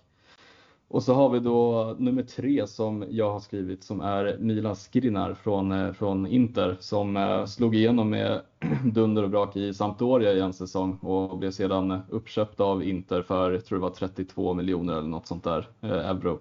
Och eh, han, han är för mig nästan till en världsback. Eh, de gånger jag har sett honom spela. Han är väldigt fysisk herre, väldigt bred, väldigt lång, stor, stark. Eh, har ändå en hyfsad snabbhet och har ett extremt bra spelsinne och eh, han har visat i Inter att han är Ja, det, det kommer bli en världsklubb som kommer köpa honom till sist för att han, han är till och med för bra för att spela Inter skulle jag säga. Och han skulle passa i Premier League tror jag i det lite mer fysiska. Han, eh, han påminner lite om, eh, kanske inte en Maguire, men kanske lite Maguire i kroppen. Liksom, väldigt fysisk och bred och liksom, har väldigt bra fötter också för den delen. Mm. Så att, det är tre, tre spelare jag tror som är realistiska att värva om man vill till exempel lägga ut en större summa för Skirinar till exempel så, så tror jag också att det är en realistisk värvning. Eh, mm.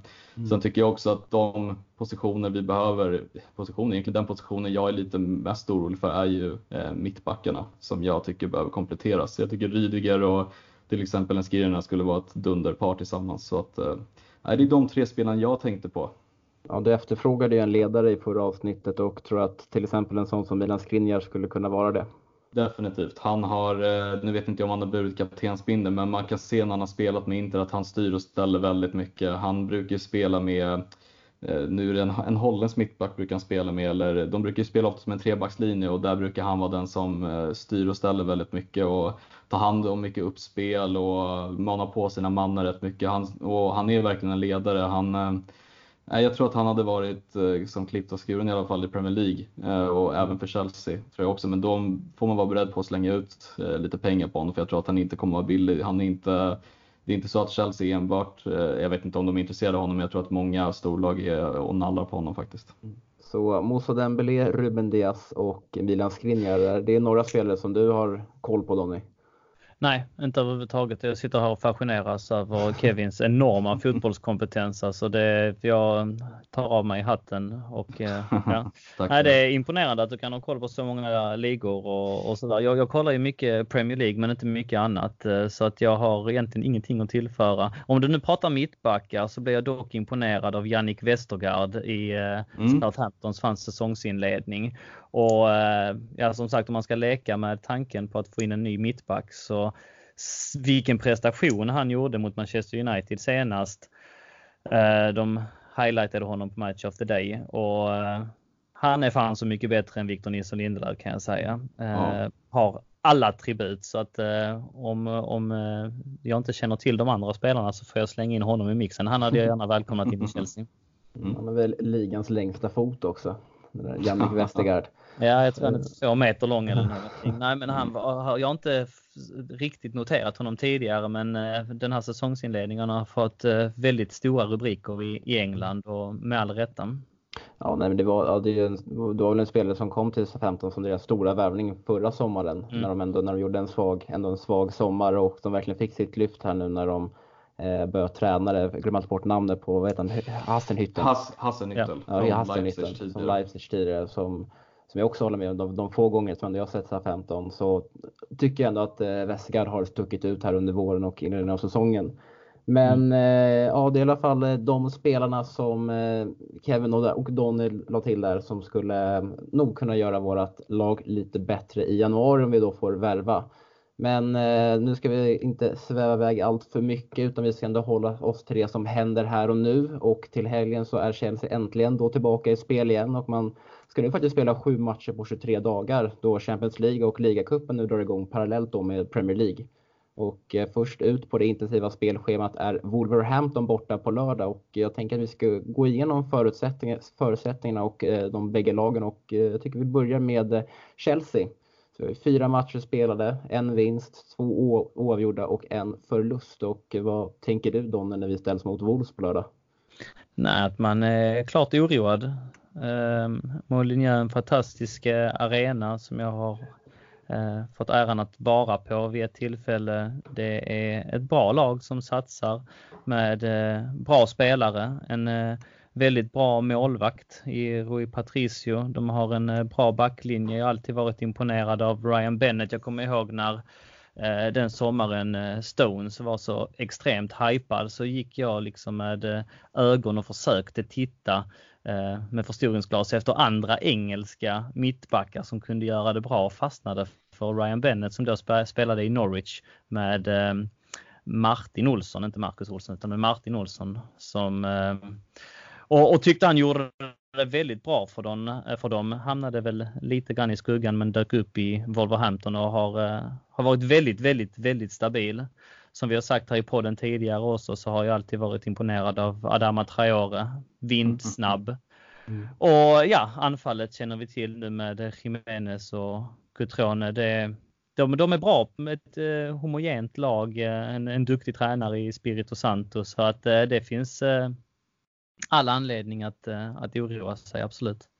Ja, nej, men jag håller helt med där också. Jag vill bara flika in att jag också är fascinerad av Adama Traoré. Jag tror aldrig jag sett någon ytter som har så stora bickar som den där, som, som den där högerspringaren har. Och som Donny säger också, det är ett väldigt, väldigt så farligt lag eh, mot topplagen. De har ju snuvat x antal poäng av, av topplagen och Jota och Jiménez på topp är ju ett rivigt anfallspar som kompletterar varandra väldigt bra. Så att eh, jag är väldigt orolig för Wolves eh, för att det, det är ett väldigt, jag kan tycka att de är rätt underskattade. De har ju fått mycket cred men de är farligare än vad, vad folk tror. De har visat förra säsongen hur duktiga de var. De har haft det kanske en liten knackig inledning nu men jag tror att de kommer komma igen.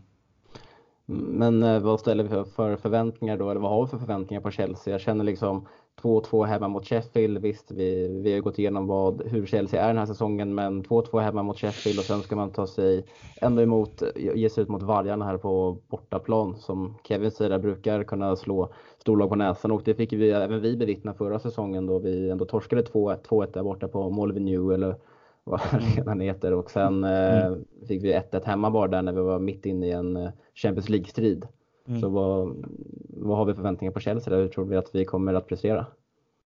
Jag tror att på en bra dag så, eh, så är vi riktigt bra. Men jag tror att det här laget är lite för ungt, lite för oerfaret och eh, tyvärr måste komma rätt taktiskt i defensiven. Mm. Eh, har Kante vilat upp sig så har vi helt annat, andra förutsättningar och speciellt när det är på bortaplan. Och eh, det, eh, har vi honom på, på plan så tror jag att vi absolut kommer kunna vinna. Men eh, har vi inte honom på plan då tror jag att det är andra förutsättningar som gäller för att han måste ge den här stabiliteten till backlinjen och målvakten i, i i avsaknad av, som vi har sagt tidigare, av starka figurer, folk som ryter till. Jag lyssnar lite grann på eh, engelska poddar också, Chelsea-poddar, Chelsea Fancast, eh, Alex Churchill, Girl Who Likes Balls, som driver också en fantastisk spalt, nämnde en, eh, eller lanserade en teori om eh, submissiveness i, i backlinjen, att man hela tiden måste ha en dominant och en som är lite Eh, ja, hur översätter man det, man som underkastar sig lite grann i ett mittbackspar av att man, hon drog då eh, exempelvis då John Terry som, eh, som ett exempel att han, han var alltid den dominanta medan han hade då kanske en parhäst i Cavallo som var villig att följa honom lite grann och sånt. Och det finns inte riktigt någon av Zuma, Christensen, Tomori som tar det där eh, ledarskapet vid hornen och Aspilicueta ute på kanten gör det inte riktigt heller och är kanske inte heller, det ska egentligen vara någon av mittenfigurerna som tar det där, det där ansvaret och, och Kepa går inte ut med någon pondus och styr och ställer heller va? så att då är Kante jätteviktig att han mm. går ner, springer ner, täcker upp ytor, inger sig. Han är inte den som styr och ställer med hela handen, men bara hans närvaro det inger en viss trygghet. Så låt oss hoppas att han är, han missade ju som sagt landslagssamlingarna nu med Frankrike för att han skulle vila upp. Så låt oss hoppas att han är fit for fight, för då har vi helt andra, andra chanser tror jag. Eller vad säger du Kevin? Ja, nej, men jag håller faktiskt helt med. Jag tycker också att en annan viktig poäng är om Rydiger skulle vara tillbaka. Eh, för mig också väldigt, väldigt prio. För att i en sån här match när man möter ändå på ett sätt ett ganska fysiskt Wolves. Jag tänker de har tre rätt stora mittbackar och så har de en Donker som också är över 1,90 på mittfältet. Så mm. kan jag tänka mig att fasta situationer blir väldigt viktigt och där är ju Zuma en gigant och Rydiger är på ett sätt en sån som jag tycker kan ryta ifrån eller visa karaktär i, i mittenskicket. Och har man Kanté framför, en Rydiger bakom och en Zuma bredvid sig så det inger i alla fall lite förhoppning för min del men det är fortfarande en väldigt tuff match. Men är det inte ändå ett perfekt tillfälle att möta Wolves då som har spelat Europakval sedan i början på juli? Och de har spelat... Ja, ja jäklar vad de har spelat matcher alltså. Ja, de har ju startat, det har ju märkts i ligan också, de har startat väldigt knackigt där med tre poäng på fyra matcher. De har inte vunnit den matchen, de har tre oavgjorda och en förlust. Mm. Så, eh, och de har ju även också, precis som Chelsea har kommande vecka, så har de Europaspel att tänka på. Så att, eh, vi hyllar ju, vi har hyllat Wolves här nu väldigt mycket i inledningen men jag tror ändå att ja, ett bättre tillfälle kan ändå inte komma och möta dem som det är just nu. Mm. Nej, det håller jag helt med också. Och det jag tycker är, det kan vara en liten språngbräda för vår del att kanske åka till ett Wolves borta och slå dem med tanke på att vi torskade eh, förra borta mot dem och spelade lika hemma så tror jag att det här kan vara eh, en bra start för oss. Och igen efter landslagsuppehållet. Eh, nej, men jag håller med, det, vi har bra förutsättningar men det är fortfarande en tuff match borta. Det är inte en, den, den roligaste bortamatchen kanske. Nej, och det är ändå det är svårt att komma ihåg ändå när man pratar om Wolverhampton är ju att de var ju nykomlingar inför förra säsongen och gjorde ju, imponerade verkligen med, tog de 55-56 poäng och kom sjua. En semifinal mm. i FA-cupen där de åkte ut mot Watford där i slutet på övertid i, i semifinalen. Jag fick ju ändå den här FA-cupsplatsen då eftersom City vann ligan sen. Men eh, alltså, de har ju ett par imponerande spelare där. Jag tror du har väldigt bra koll på det Kevin, det här med hur influerade de ändå är av Jorge Mendes med Ruben Neves och João Moutinho och alla de här portugisiska mm. spelarna man fått in. Nej men precis, de har ju haft ett flöde av portugisiska spel. De har haft Helder Costa som, som nu gick eh, till Championship igen och som du säger, de har Moutinho och de har eh, värvat två ytterligare portugiser från Lazio. Eh, jag tror ena heter Pedro och den andra minns jag inte riktigt namnet på. Och de, de styrs ju egentligen alltså rätt mycket av Mendes. Det är han som har stått för mycket av värvningarna och eh, det har ju visat sig vara lyckade värvningar och Moutinho är också en väldigt underskattad mittfältare som styr spelet väldigt bra. Han var extremt bra i portugisiska landslaget och kanske inte hade sin bästa period i Monaco men det, ja, det, det är ett farligt lag och så kompletterar de med, med Jota där uppe som, som man inte ska glömma heller. Han ägdes av Atletico Madrid som aldrig utnyttjade eh, köpsklausulen på honom. Eh, men eh, ja, det, det är ett farligt lag.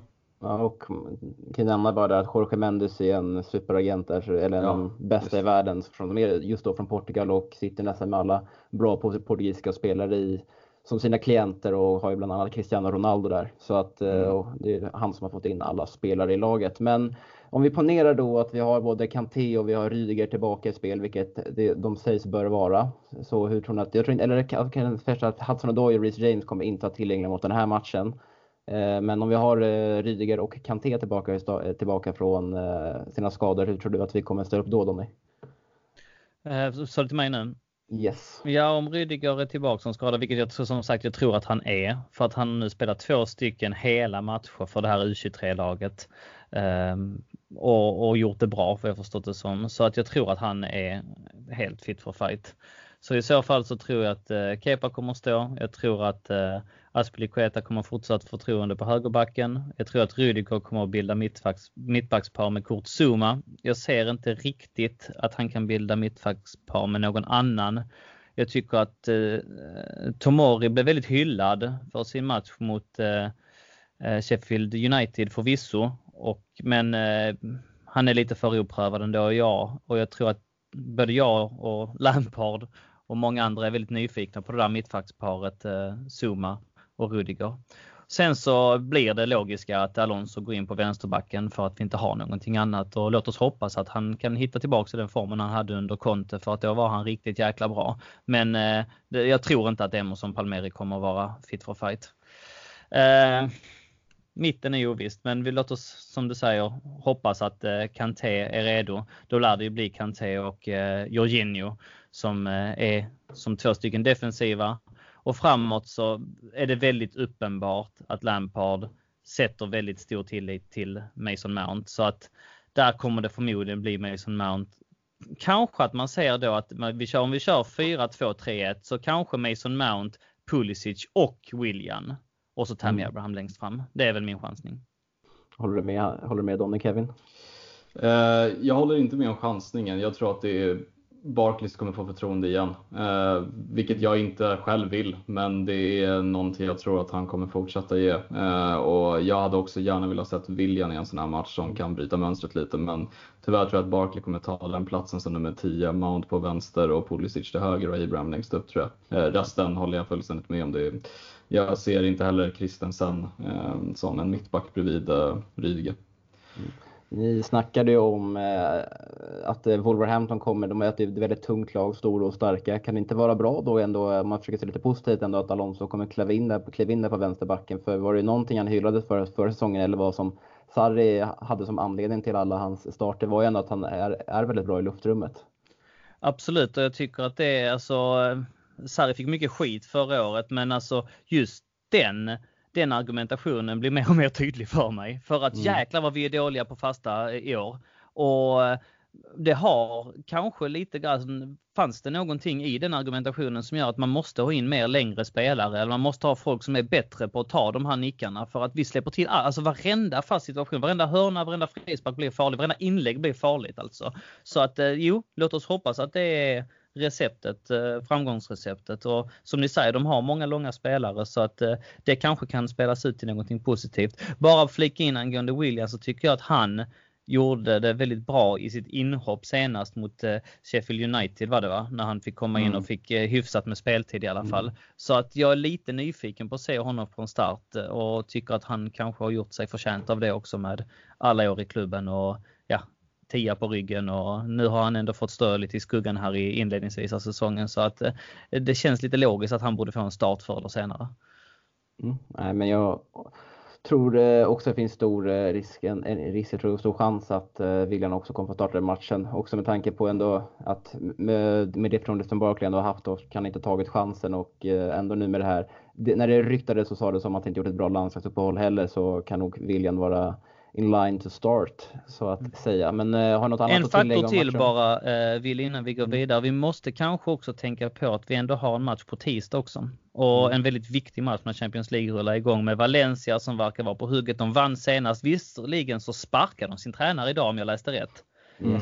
De sparkade Marcelino och tog in eh, någon ny tränare. Men, men han Alberto gjorde en väldigt... Ja precis, som före detta Barcelona och Real Madrid-spelare va? Stämmer. De spelade i Barcelona på 90-talet. Ja nåväl. Eh, men i alla fall, de har en alltså, konstig sparkning efter tre matcher bara inledningsvis av säsongen. Men de var ändå ett lag som kom fyra i eh, La Liga förra året, vann Copa del Rey och kom till semifinal i Europa League. Så att det, alltså, det är absolut inget dåligt lag vi möter på tisdag. Och det kanske också är, inte för att jag hoppas det, jag tycker ändå man ska spela med bästa laget hela tiden. Men man vet aldrig hur, hur tränare resonerar. Det kanske finns någon tanke när man tar ut det här laget i, på lördag för att det trots allt bara är så få mm. dagars rehabilitering till på tisdagen. Mm. Ja, vi kommer få se nu som vi sa där inför matchen här i början att det är ju sju matcher nu på 23 dagar för Frank Lampard så det är väl en, egentligen nu som man sätts på sin verkliga spets här i Chelsea och eller som en tränare för en stor klubb han kommer hantera den här, den här rotationen. Så jag håller med, det kan ju också ställa till det lite och det kanske, jag hade faktiskt inte ens tänkt på att det var Valencia på tisdag. Mm. Så eh, vi får, det kan bli några, några överraskningar i startelvan kanske, det får vi se. Men eh, hur som helst så spelas matchen på lördag borta mot Wolves och eh, den kommer inte sändas på svensk TV då Viasat väljer att visa Manchester Uniteds match istället mot eh, Leicester. Mot Leicester var det va? Precis. Så eh, det blir en fulstream som man får hämta hem och kolla på den via den.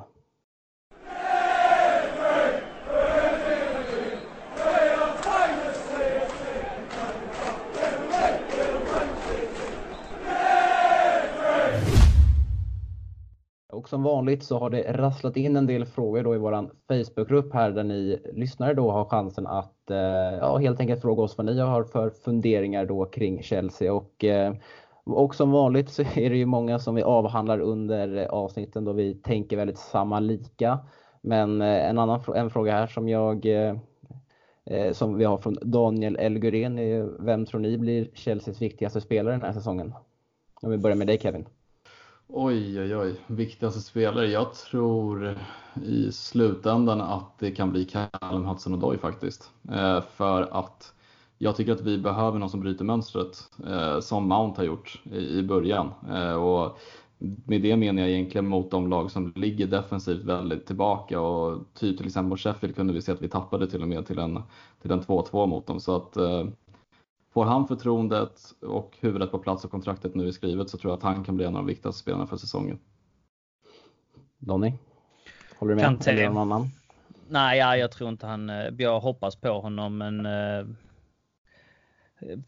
det, jag är väldigt skeptisk mot hälseneskador. Jag hoppas verkligen att han kan eh, kan nå upp till den potentialen vi alla hoppas att han infriar. Men jag tror att eh, vägen eh, till toppen kan vara lång efter en sån svår skada som han har haft. Men låt oss hoppas. Men jag tror att eh, en av de viktigaste spelarna kommer att visa sig vara N'Golo Kanté återigen. Han är den enda skulle jag vilja säga som håller absoluta yttersta världsklass i vårt lag. Och kan han vara skadefri så kommer han också vara tungan på vågen i många matcher. Hans eh, engagemang, hans yta som han täcker, hans passningsspel, hans bidrag i offensiven som han bryter igenom och spelar fram, ligger bakom många anfall, är guld värt. Jag byter inte honom mot någon spelare i världen och eh, som sagt tror att han när vi summerar säsongen kommer förmodligen bli eh, utnämnd till årets bästa spelare. Mm, jag tror också att Kanté känner jag också är den viktigaste spelaren men Eh, en annan, eller två andra spelare som jag tror är väldigt viktiga för att Chelsea ska, fungera, ska ändå fungera som lag är ändå Mason Mount eller Robert Loftus-Cheek sen när vi kommer komma in, eller när han är tillbaka från skada. För att jag känner också att vi har, vi har ändå sett, alltså, vi vet ju om att vi har ju Kanté, Jorginho och Kovacic där på de lite mer defensiva positionerna. Men vi har ju ändå sett att Kanté kan röra sig lite mer framåt och vara bra i den rollen också. Men jag tror ändå det här länkspelet då från det defensiva mittfältet till det offensiva mittfält som ändå ska föra vidare här framåt till eh, yttermittfältare och forward, att det måste funka för att vi ska kunna få fart på vår offensiv. Och där blir ju då en sån som Mason Mount eller Ruben loftus väldigt viktig. Så eh, det är i alla fall mitt svar på den frågan. Och Får jag också uh, flika in innan vi går vidare. Är det inte lite intressant att se den här resan som Jorginho har gjort? Va? Från att ha varit mm. väldigt ifrågasatt. Jag vet om att ni nämnde det i tidigare poddavsnitt också, men när han gav den här intervjun till The Guardian i början av eh, våren, om det var i mars eller vad det var, att eh, fansen har rätt till sin åsikt och eh, de får tycka vad de vill och, och eh, ja, jag, jag får ju jobba, jag får ju bita ihop här och jobba på så att jag får försöka förändra deras eh, åsikt om mig och, och de tror att jag är Saris man men jag vill, jag vill visa dem liksom varför Sarri tycker om mig och så sen när Sarri då drog så jag är en Chelsea-spelare. Också Eh, vilken bevis, bevis det är på att vi fans faktiskt är ombytliga. Att eh, nu jäklar har han krigat till sig en plats i laget. Alla tycker att han har gjort en, en av de som har gjort det bäst faktiskt i laget också. Om man nu ska hylla några så är det ju som sagt Emerson, det är Jorginho, eh, Abraham, Mason Mount. Men Jorginho är ju en av dem som har, har verkligen bitit ihop och, och blivit hyllad för sitt ledarskap och eh, sin kämpaglöd och sådär. Och eh, han kan också komma att bli en viktig spelare för oss när vi summerar säsongen, eller hur? Hör. Ja, absolut. Mm, absolut. Nej, jag håller bara med. Håller med. Det, ja, så den har ju växt enormt i mina ögon. Och så, Samma här. Så näm, nämner, det, nämner det igen. Alltså, det är en spelare, som jag, som jag sa, eller som jag sagt tidigare, att det är en spelare som eh, inledde säsongen, eller inledde sin Chelsea-karriär väldigt stabilt, men sen av, det avtog lite och sen, sen dess runt eh, början på våren där så har ni verkligen steppat upp och det någon spelare som har tagit med den goda formen från förra säsongen så är det ju Jorginho. Mm. Och som han även har utvecklat det. Så det är absolut, det håller jag absolut med om. Eh, men om vi ska gå vidare till en annan fråga här då som kanske Eh, har vi en eh, Robin eh, Isitt som undrar om, eh, med tanke på hur situationen i klubben, i klubben ser ut just nu med transferban och alla skador, skador på våra nyckelspelare, så har Lampard kanske världens tuffaste uppgift framför sig nu, Kevin? Eh, ja, nej, men det skulle jag ju säga. Han sitter ju definitivt inte i världens lättaste sits med skador och den tuffa periodmatchningen nu som kommer. Så att eh, eh det ska bli intressant att se hur han tacklar situationen. Jag, jag tror på honom starkt och jag tror alla Chelsea-fans får vara beredda på att det kommer blåsa lite med ja, resultat som inte går med och så, och så. Men jag har fullt förtroende för honom. Men eh, han sitter definitivt i en, i en svår sits, men jag tycker han har hanterat det så gott han har kunnat hittills faktiskt. Mm. Absolut. Håller du med Daniel? Absolut. Jag tycker att uh, han, uh, han har uh, visat prov på stor intellekt, stort kunnande. Han verkar han är väldigt intelligent har vi vetat på vetat sen innan och jag tror också på honom. Sen tycker jag att han har haft otur här eh, med, eh, det, det, han fick mycket kritik för sina byten i Sheffield United och det var som någon sa också, någon, eh, jag tror jag lyssnade på en engelsk podd där de nämnde att byter han exempelvis in Andreas Christiansen i det läget, då kommer alla gnälla på alltså varför byter du in en extra back? Alltså när det inte faller rätt ut så blir man ju kritiserad och vi var ett självmål ifrån. Vi var liksom två minuter från att verkligen täppa till och komma undan med tre poäng i den matchen och då hade tongångarna varit annorlunda. Återigen, vi har sagt det tidigare, går Tammy Abrahams skott i första matchen mot Manchester United stolpe in istället, då sitter vi och summerar de här fyra första matcherna på ett helt annat sätt, det är jag övertygad om. Och kan vi bara få marginalerna på vår sida så eh, kommer hyllningskörerna bara rulla in för Frank Lampard för att han har alla förutsättningar. Jag tycker inte han har en så svår uppgift ändå i och med att han har Ja, på pappret ja, men alltså i och med att han har alla fans backning fortfarande. Det är bara några parkmongon på Twitter som eh, skriver eh, konstigheter och slänger sig med hashtags. Men kollar man av alla oss som kan prata, som inte sitter bakom datorer och som kollar på matcher och som går på matcher live och stämningen i England och så vidare, så är alla bakom Lampard. Och där har han ett frikort. Vi vet att han har en transferband. Vi vet om vilka förutsättningar som gäller. Så att eh, jag, jag tror på honom. Min känsla är att alla tror på honom och att eh, det här kommer bli bra till slut. Mm. Jag håller med och det för mig känns det också att den här säsongen liksom, den räknas på något sätt inte så mycket utan det känns som att för mig att jag hoppas att han, att han kommer få förtroende över hela och även i början på nästa för det känns som att det är där det börjar på riktigt då när, han, när Chelsea bukt med alla sina problem som de har i klubben med transferban och med tanke på det här skadeläget att det blir som en fresh start nästa år. Ja. Eh, så där håller jag med om också att eh, med båda deras förtroende måste ges till Lampard och även fast det svajar lite, lite till och från så ska man ändå komma ihåg då vart ja, hur själva situationen ser ut i Chelsea. Så absolut. Eh, om vi ska ta en sista fråga här innan vi börjar avrunda för kvällen så är det Mikael Kullman som vill att vi ska nämna lite kring damlaget som hade premiär i söndags mot Tottenham och eh, var det en match som någon av er såg? Nej. Nej. Nej. Eh, jag kan ju då stoltsera lite att jag faktiskt eh, sneglade lite till den då jag eh, hade den på på tv. Det verkar som att Viaplay har steppat upp nu här och eh, visar dem. Eh, började visa lite matcher då från eh, Women's Super League då som det heter och eh, Ja, och han vill nämna att vi kan nämna också att vi har ju en svensk som har tagit över lagkaptensrollen och det är Magdalena Eriksson, som, vänsterbacken, som vi även såg under dam-VM som var väldigt bra. Eh, och det var en liten kort summering där om matchen så mötte man ju Tottenham och eh, Chelsea spelade riktigt bra i första halvlek där man fick, eh, det var ett litet drömmål som eh, nummer 9 Bethany England gjorde där. Men att det avtog lite i andra halvlek och Tottenham kändes farligare och var faktiskt väldigt nära en eh, reducering där i slutet. Men det är skönt att, eh, att damerna startar säsongen bra i alla fall. Känner jag. Absolut. Ja, det var kul att de fick lira på Stamford Bridge också.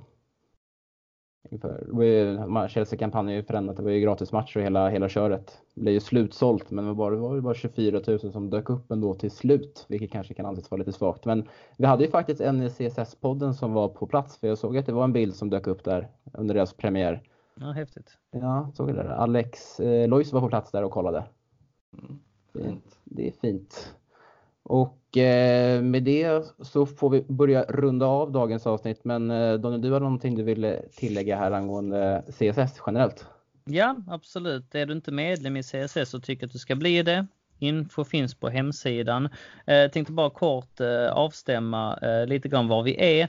Vi stängde alltså, vi, eller vi vi gjorde en avstämning kan man säga sista Eh, juli eller månadsskiftet juli-augusti där alla som hade blivit medlemmar fram tills månadsskiftet sammanställdes och skrevs ner och skickades in till tryckeri för att då få unika medlemskort. Det var en leveranstid på 4-5 veckor. Det här visste vi om.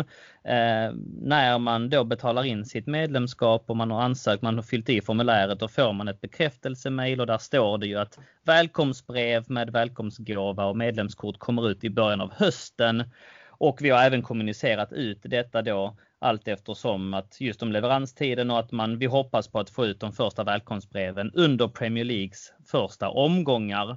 Och här fyra omgångar in och precis i början av hösten, september är det alltså den 11 idag, så att knappt två veckor in på hösten så har mycket riktigt de första välkomstbreven landat i brevlådan den här veckan. Niklas Isaksson från redaktionen har krigat. Han fick de här på sitt bord i början av förra veckan och det var alltså närmare 800 stycken som skulle unikt stoppas in i kuvert, skickas in med ett brev och då en fantastisk fin gåva i form av en pin eh, Eh, i ett lite exklusivare material med vår fina logotyp då som är designad av den eh, prisbelönta art directorn Jonas Frank som också då är en CSS-are som har gjort den här logotypen till oss. Så att eh, eh, om ni inte har fått det än så kommer det, om ni har slutit medlemskap innan den sista juli alltså. En ny avstämning gjordes den sista augusti och de är hos tryckeriet just nu. De kommer komma till oss och de kommer också skickas ut. Och om ni vill veta exakt hur det här fungerar när vi får in medlemskap, stämmer av, skickar in till tryckeriet och sen skickar ut de här välkomstbreven så står det mer preciserat på vår hemsida under CSS bli medlem. Så klicka där. Eh, är man också medlem i CSS så kan man ju ta del av alla de förmåner som det innebär och en av de förmånerna är att vi arrangerar lite träffar här och där och nu är en träff spikad det gick vi ut med i förra veckan. In och läs på Svenska fans på vår hemsida där om den träffen. Det är alltså i England i samband med Chelsea West Ham som kommer att spelas den 30 november. Den är inte riktigt spikad än den matchen. Det kommer här i dagarna och när den spikas, alltså när tv-tiden spikas, det kan ju flyttas till en tidigare match på lördagen, till en senare match på lördagen eller till och med på söndagen. Ja, eller om man har riktigt otur så kanske till och med på måndagen eller fredagen, även om det är mindre sannolikt.